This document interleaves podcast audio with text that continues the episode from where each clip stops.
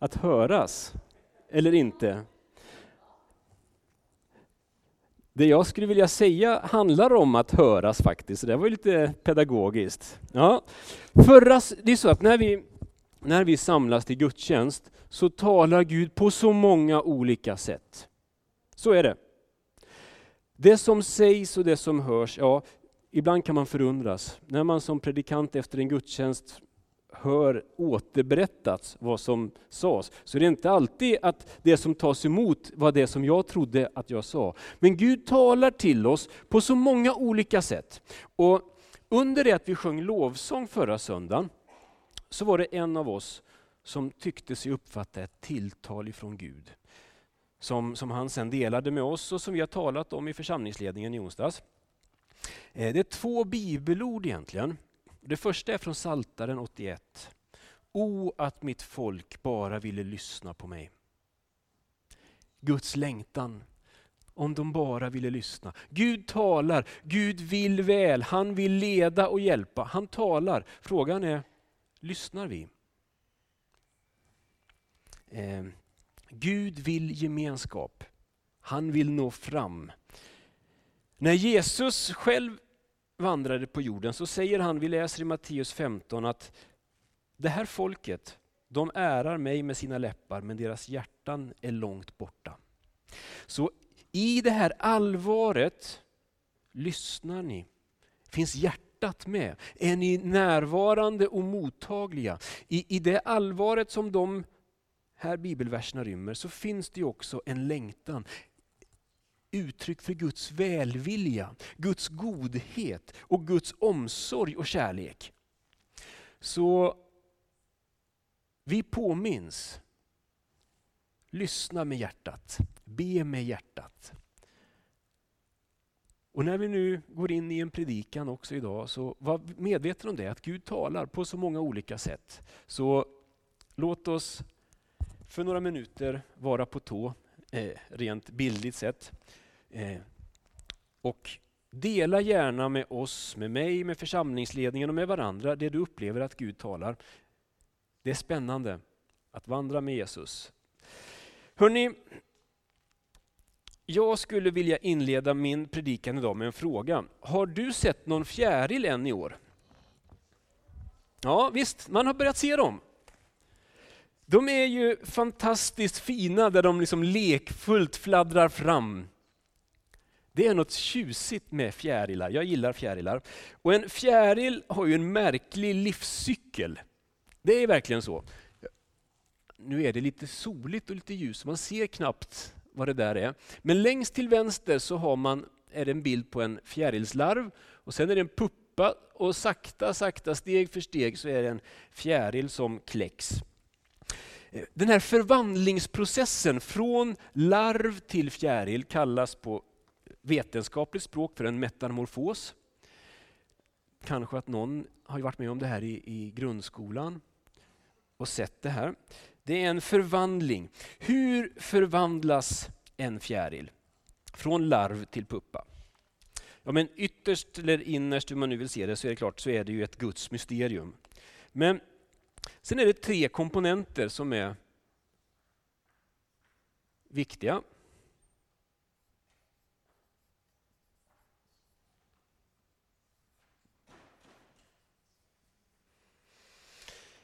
Solen, kampen och övningen. Solens strålar spelar en viktig roll. Solen den värmer den här puppan och, och när, när fjärilsen kläcks ur sin...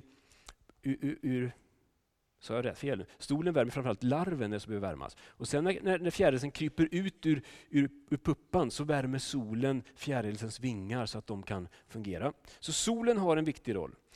Men för att komma ut ur puppan så måste den här fjärilen kämpa. Att i förtid liksom bryta upp puppan kommer med största sannolikhet göra att fjärilen faktiskt dör. Man måste vänta in tiden. Fjärilskampen är viktig, för i själva kampen så blir fjärilen starkare. Varje steg i processen spelar roll. Så solen, kampen, Alltså jag skriver ju så vackert. Och sen övning står det där för dig som inte kan läsa. Eh, till sist måste ju fjärilen faktiskt pröva att röra vingarna. Öva och prova för att kunna flyga och föra livet vidare. I Bibeln så målas en inspirerande vision upp som handlar om att vi människor kan genomgå en lika fantastisk förvandling. Likt fjärilen så kan vårt inre genomgå en slags metamorfos. Vi läser i, på flera ställen, låt er förvandlas. Och I Romarbrevet så används just det där ordet metamorfo. Alltså förvandla, omgestalta, transformera. Det är gemenskapen med Jesus som våra liv förvandlas. Det finns en fantastiskt fin bok eh, skriven av en präst i Svenska kyrkan och IFS, Anders Petter Sjödin, Förvandlad i Guds närhet. Och i, I den här boken så skriver Anders Petter om att det är framförallt Jesus, det är hos honom och i gemenskap med honom som våra liv förvandlas. Och så säger han att ja, men det är tre saker som drar oss till Jesus som kan förvandla våra liv. Och solen den skulle kunna stå för anden. Den helige ande verkar i det fördolda, väcker tankar och längtan som för oss till Jesus. Anden vill dra oss i riktning mot Jesus. Och Det den helige ande gör, det ligger utom vår kontroll. Och ändå inte, tänker jag. För en av de allra tidigaste kristna bönerna är ju Kom helige ande. Det kan vi be, men anden verkar oberoende av oss i det fördolda varje dag, och varje stund för att leda oss mot Jesus. Kampen, själens dunkla natt, man kan säga att våra prövningar Alltså det oväntade och svåra som händer oss, det kan få oss att faktiskt vända oss till Gud i bön.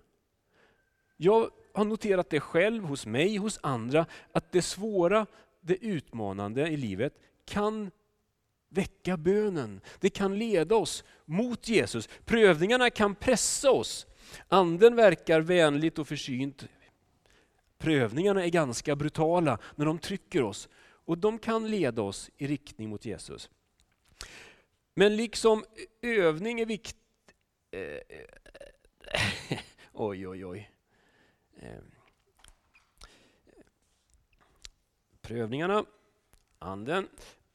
På samma sätt som en fjäril också har ett bidrag i förvandlingsprocessen, så har också vi det. Våra andliga övningar kan också de ta oss i riktning mot Jesus.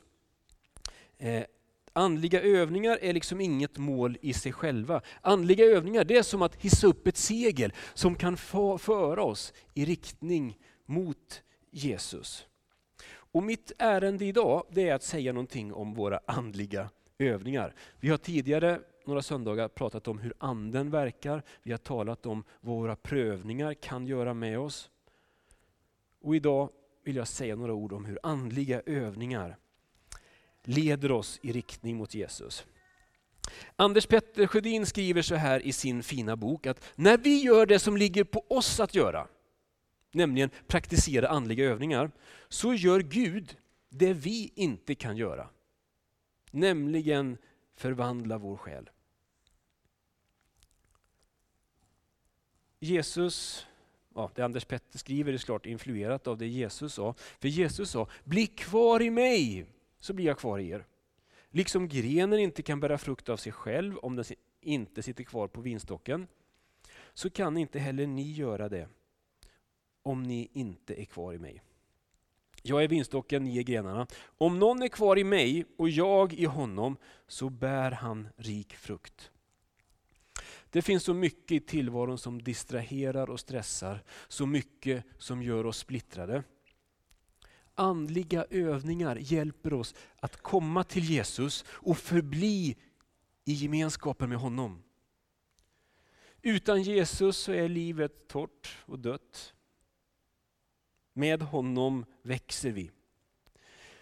Andliga övningar, säger Anders Petter, det är heliga vanor för ett fruktbärande liv. Andliga övningar är upplivande, livgivande för själen. Det här var viktigt för Jesus. Vi märker det när vi läser om honom, att han praktiserade olika andliga övningar. Och hans lärjungar gjorde det också. Och Jesus själv uppmanar oss att göra det. Det är därför vi som troende idag praktiserar olika andliga övningar. Filadelfiakyrkan i Stockholm har någon slags motto, om det är för det här året det vet jag inte, men vi vill se fler medvetna Jesus efterföljare. Andliga övningar handlar om andlig friskvård. Och det finns många olika övningar. I, I den här boken så listar Anders Petter 25 olika övningar. Alltså det, mm, det finns ännu fler säkert. Jag tänker det här är som en samling trädgårdsredskap. Det finns olika redskap. Vi använder inte alla redskap samtidigt, men de fyller olika funktioner och vid olika tider så är olika redskap till nytta. Så de övningar som Anders Petter listar, han ger fem grundläggande andliga övningar. Han talar om avskildhet, om bibelläsning, bön, sabbatsfirande, tystnad. Och det här beskriver han som slags grundläggande övningar. Och sen vänder han blad och beskriver kort 20 övningar till. Eller olika livshållningar som hjälper oss att orientera oss emot Jesus. Det handlar om andlig vägledning, om att, om att arbetet kan bli något som för oss till Jesus. Bikt och syndabekännelse, dagbok för den andliga resan, diskretion. Ja, intressant. Enkelhet, fasta, fokuserat liv, förnöjsamhet och tacksamhet, gemenskap, glädje och fest inför Guds ansikte, gudstjänstfirande, andlig läsning, lovsång och tillbedjan, memento mori, alltså att, att tänka på sin egen död för livets skull. Naturen och konstens skönhet, att göra en pilgrimsresa eller en pilgrimsvandring, att praktisera Guds närvaro, tjänande och åminnelse. Alltså, det han säger är att genom att de här övningarna så bereder vi plats för Gud i våra liv och ger honom tillgång till våra hjärtan så att han kan förvandla dem. Andliga övningar. Vad har du för planer inför sommaren? frågar vi varandra ganska ofta så här års. Hur ser sommaren ut för er? Hur ser sommaren ut för dig? Och idag så skulle jag vilja skicka med en påminnelse om andliga övningar. Sommaren bär med sig unika möjligheter. När vardagen ändrar sig så finns det möjlighet att faktiskt ta tid för den andliga friskvården, för andliga övningar. Och vilka övningar som skulle kunna tänkas vara aktuella för dig beror ju på vilken livssituation just du befinner dig i. Var någonstans i livet du är. Det kan ju vara så att för någon så är det läge att bara krascha i vilstolen, omsluten av tystnaden och Guds heliga närvaro. Eller så kan det vara att det faktiskt är tid att samlas till lek och samtal vid grillen eller någon annanstans. Eller att det kan vara tid att faktiskt tänka och ta steg i tjänande, klippa grannens gräsmatta, att hitta andliga övningar som ger möjlighet för att tjäna osjälviskt och där möta Jesus. Andliga övningar gör oss gott och sätter igång en rad olika positiva sidoeffekter hos oss själva och hos andra.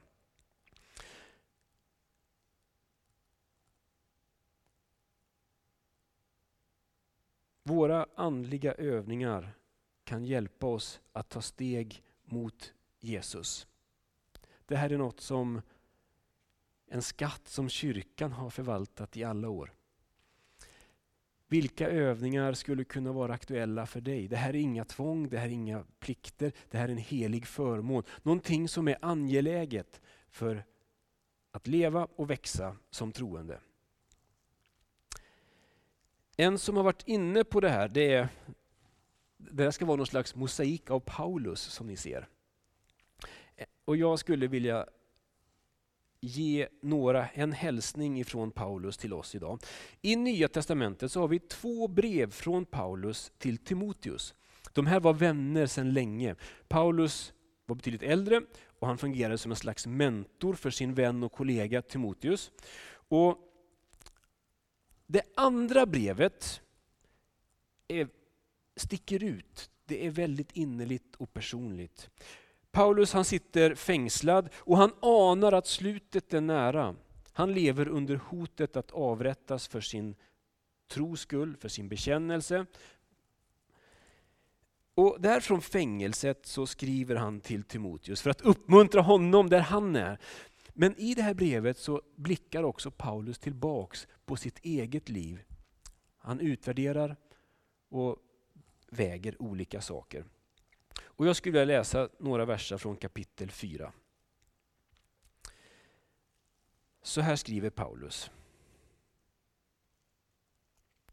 Mitt eget liv utgjuts redan som ett offer och tiden är inne då jag måste bryta upp. Jag har kämpat den goda kampen, jag har fullbordat loppet, jag har bevarat tron. Nu väntar mig rättfärdighetens segerkrans som Herren, den rättvise domaren, ska ge mig den dagen. Och inte bara mig, utan alla som längtar efter hans ankomst. Alltså Paulus har varit en stor förebild i Timoteus liv. Och faktiskt så säger Paulus själv att ta mig till föredöme allesammans. Ta rygg på mig. Paulus egen väg, hans egen erfarenhet mynnar ut i tre goda råd tänker jag i den här texten. Tre råd som är utmanande men också uppmuntrande. Tre råd som kan få vägleda oss i hur vi lever våra liv och i hur vi planerar vår sommar, vår sommar, den sommar som vi ligger framför. Så helt kort. Paulus skriver, och han tänker nog inte bara på andliga övningar, men jag tänker att det ändå ryms i det han tänker på och skriver om. Kämpa den goda kampen. Det finns sånt i livet som det är värt att slå vakt om. Gör det.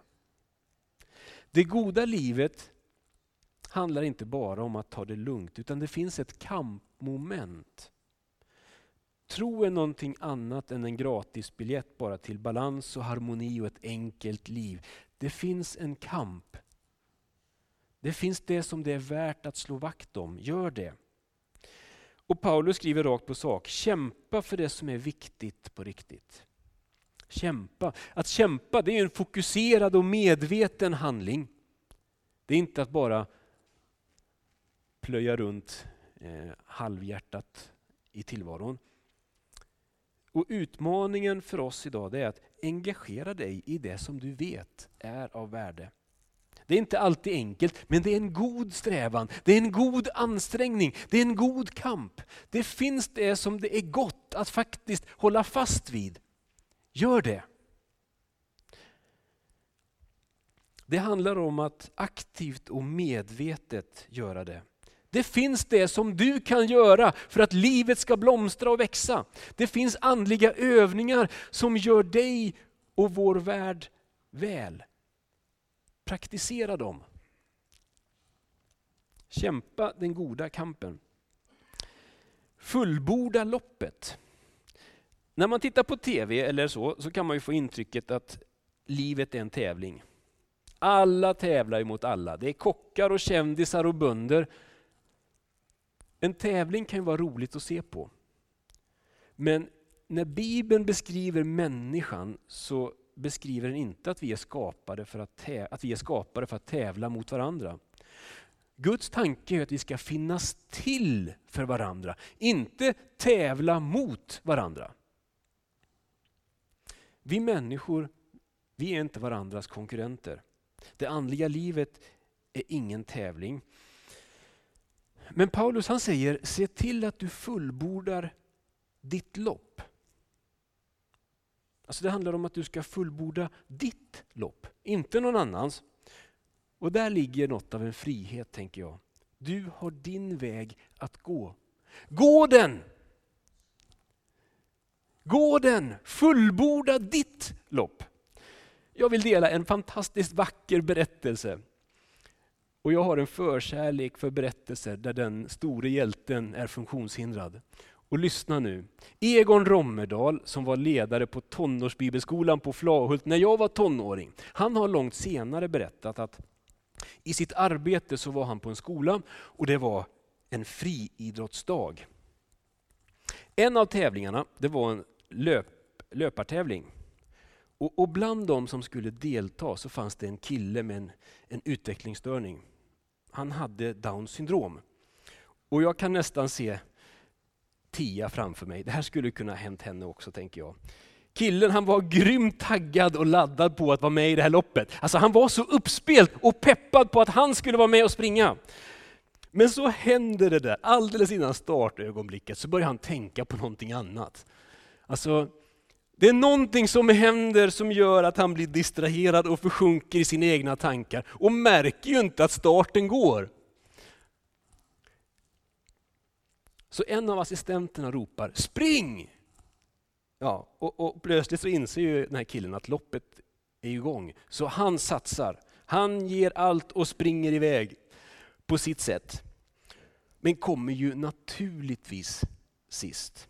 Men när han springer över mållinjen så räcker han jublande händerna i skyn och ropar Jag vann, jag vann, jag vann! Och jag vann! Och så springer han ett extra varv framför den där läktaren där lärare och personal satt. Jag vann, jag vann! Då är det ju någon pedagog som lite övernitiskt då ändå försöker rätta till och säga att ja, du sprang väldigt bra men du vann inte. Då tittar han förvånat och säger, jo, jag vann på bana fem. Som var hans bana. Löp ditt lopp och gör det med själ och hjärta. Du behöver inte springa på någon annans bana. Fullborda ditt lopp. Tro handlar inte om att komma först, utan om att komma fram. Fullborda loppet. Det räcker att du vinner på din egen bana. Kämpa den goda kampen, fullborda loppet, bevara tron. Det finns något välgörande i det här rådet. Bevara. Vi lever i ett sammanhang, en kultur, där vi ständigt och jämt försöker utveckla och förbättra. Och Det ligger mycket gott i det också. Men lyssna, din tro måste inte alltid, hela tiden pressas till det yttersta för att bli större och starkare. Det räcker att du bevarar tron. Det räcker att du förblir i gemenskapen med Jesus. Att du blir kvar där med honom på livets resa. Bevara tron. Jesus han var inte så särskilt intresserad av att bedöma graden av tro hos dem han mötte. Det som intresserade honom det var ju snarare riktningen. Riktningen i livet är faktiskt viktigare än farten. För det spelar ingen roll hur snabbt vi rusar om vi rör oss åt fel håll.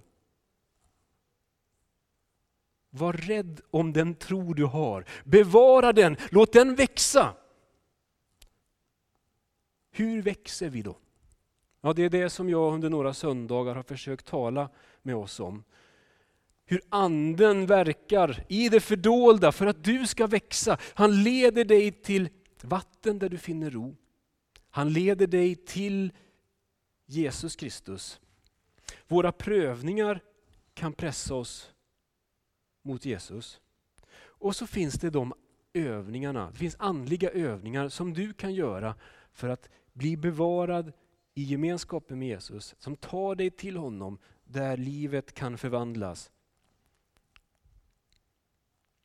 Vilka övningar skulle kunna vara aktuellt för dig att praktisera den här sommaren?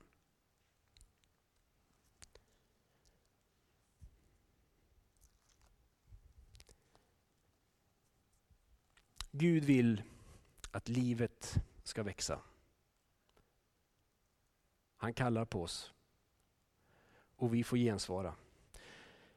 Carolina och Alexandra, välkomna fram. Vi ska sjunga några lovsånger. Vi ska gensvara på det som Gud har talat med oss om. Och jag vet att det jag har sagt är inte alltid det som du har uppfattat. Men det du har uppfattat, det får du gensvara på.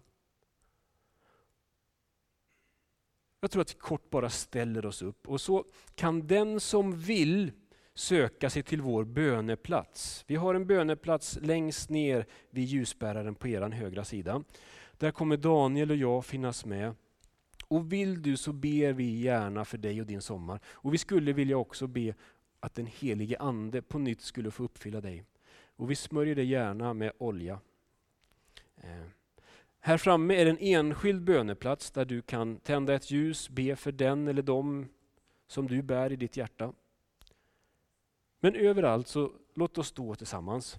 Så sjunger vi lovsång och när du känner det så kan du också slå dig ner igen. Men vi ställer oss upp så att den som vill lättare kan röra sig i lokalen.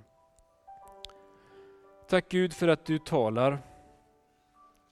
I kärlek och en innerlig välvilja så vill du leda oss in i ditt rike.